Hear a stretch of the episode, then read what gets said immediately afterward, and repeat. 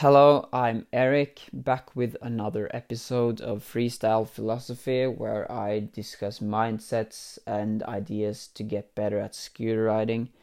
And today I wanted to touch a bit on working out, why you should work out as a scooter rider. Now, I've been working out for a couple of years, uh, a bit on and off, but the last year I've been working out basically every day.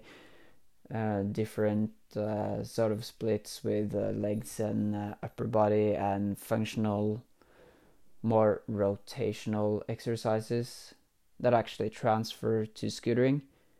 Um, and I've found it to be very, very beneficial. And I know a few guys that work out for scooter riding, but not a lot.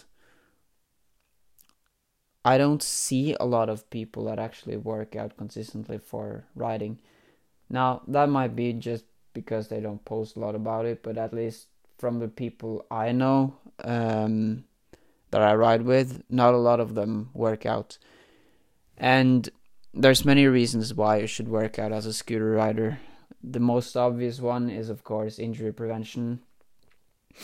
All of these typical reoccurring injuries scooter riders get, like ankle breaks and tendonitis and bursitis and inflammation in knees and shins and jumper's knee and um, all of these injuries most of them can be prevented with pretty base compound workouts like squats and deadlifts and uh, tibialis raise and uh, ankle raise and all that and some balance work.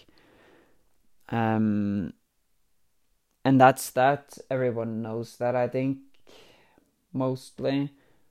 But what I have found is that there's a lot of modalities of fitness that are a bit more unusual that works very effectively for scootering because there's a lot of exercises that translate quite well into scootering and uh, moreover for better performance now you could of course, think of ideas and um, not ideas, sorry. Think of exercises like um, contrast training and uh, jumping.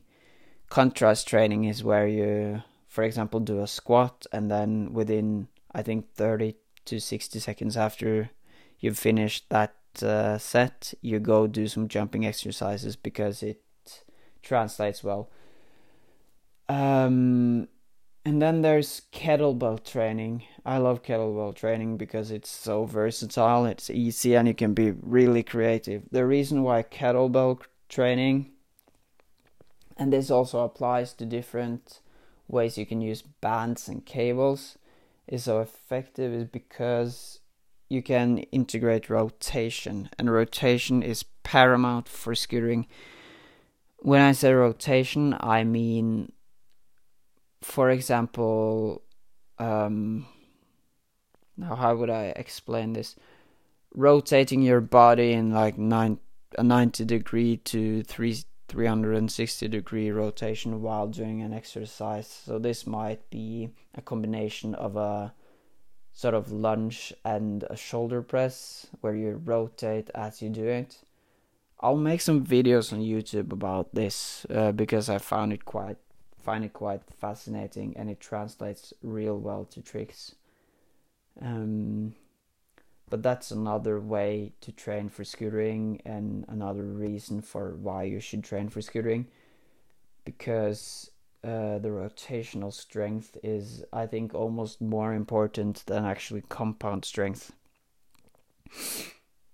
Strengthening and practicing rotational exercises translates directly into, for example, doing a 360 trick or uh, just an air, or especially for when failing. I've found that when often when I fail, I try to sort of do not a roll but rotate out of the bail or out of the trick so that I don't get injured and don't just slam hard into the ground because then the force transfers and there's not going to be as much impact and kettlebell training and uh, uh, cable training where I rotate my whole body and engage my whole body, both upper and lower body and everything, in several planes of motion. That helps a lot for,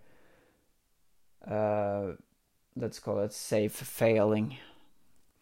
And for performance, it's really nice to work out, especially for jumping and balance and there's a lot of these sort of small exercises you can do at home and the balance exercises too are really nice for injury prevention because they train all the small muscles or all the they work on all the accessory exercises all the small muscles that help uh, stabilize your legs and help take impact off those areas where you might have an injury.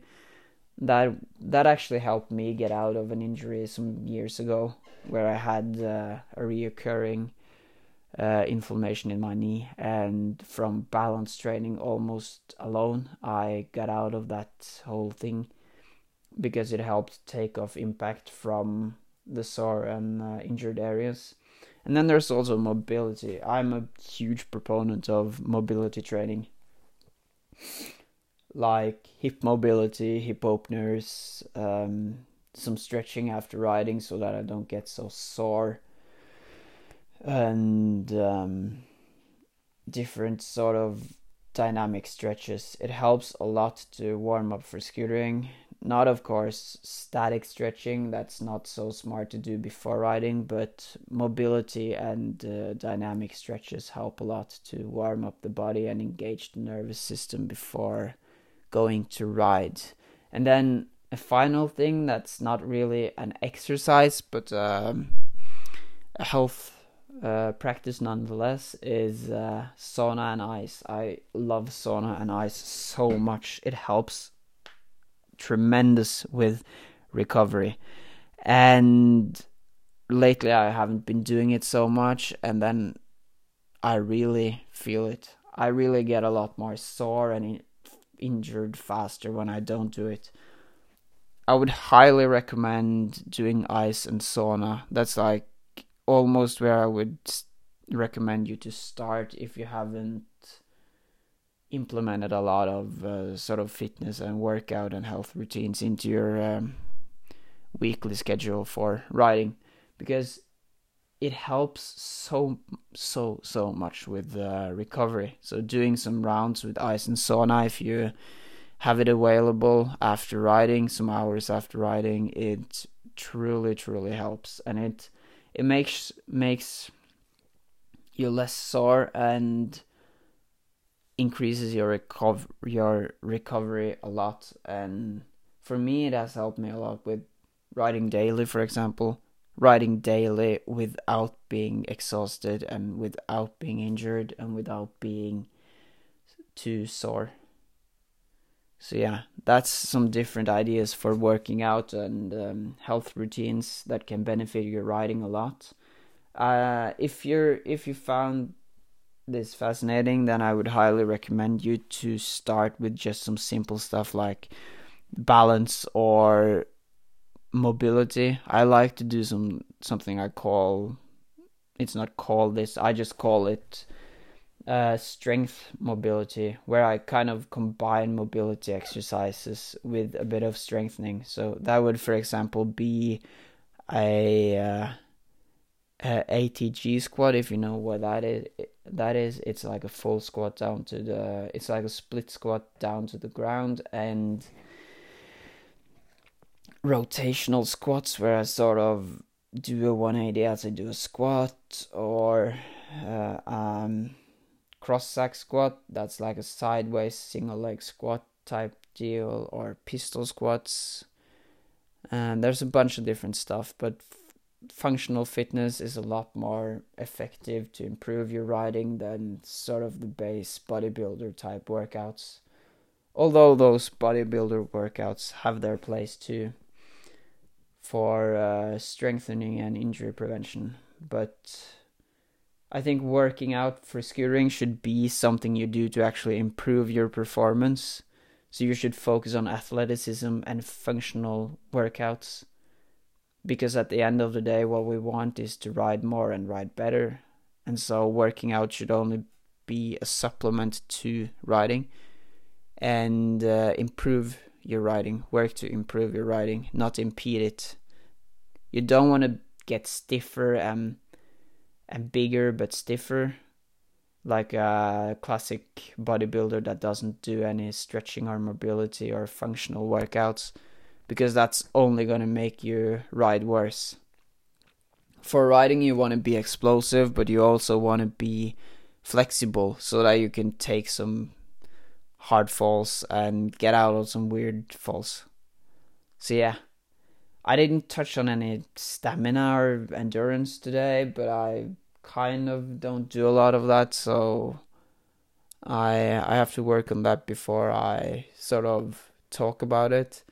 But regardless, I'm gonna make some videos on YouTube about how I work out for scootering and show some different exercises you can do at home, like making obstacle courses for uh, sort of balance work and uh, working your agility and efficiency and some contrast training perhaps to show some nice ways to improve your jump and some rotational workouts all of these sort of small workouts that translate real well into actual riding not just for strength but also for function and athleticism so yeah that's today's episode. I hope you found this fascinating, and if you don't already work out or you you wanna start exploring some new ways of working out, then I hope you found this helpful, and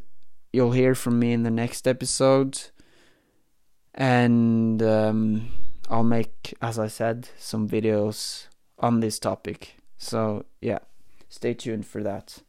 Peace.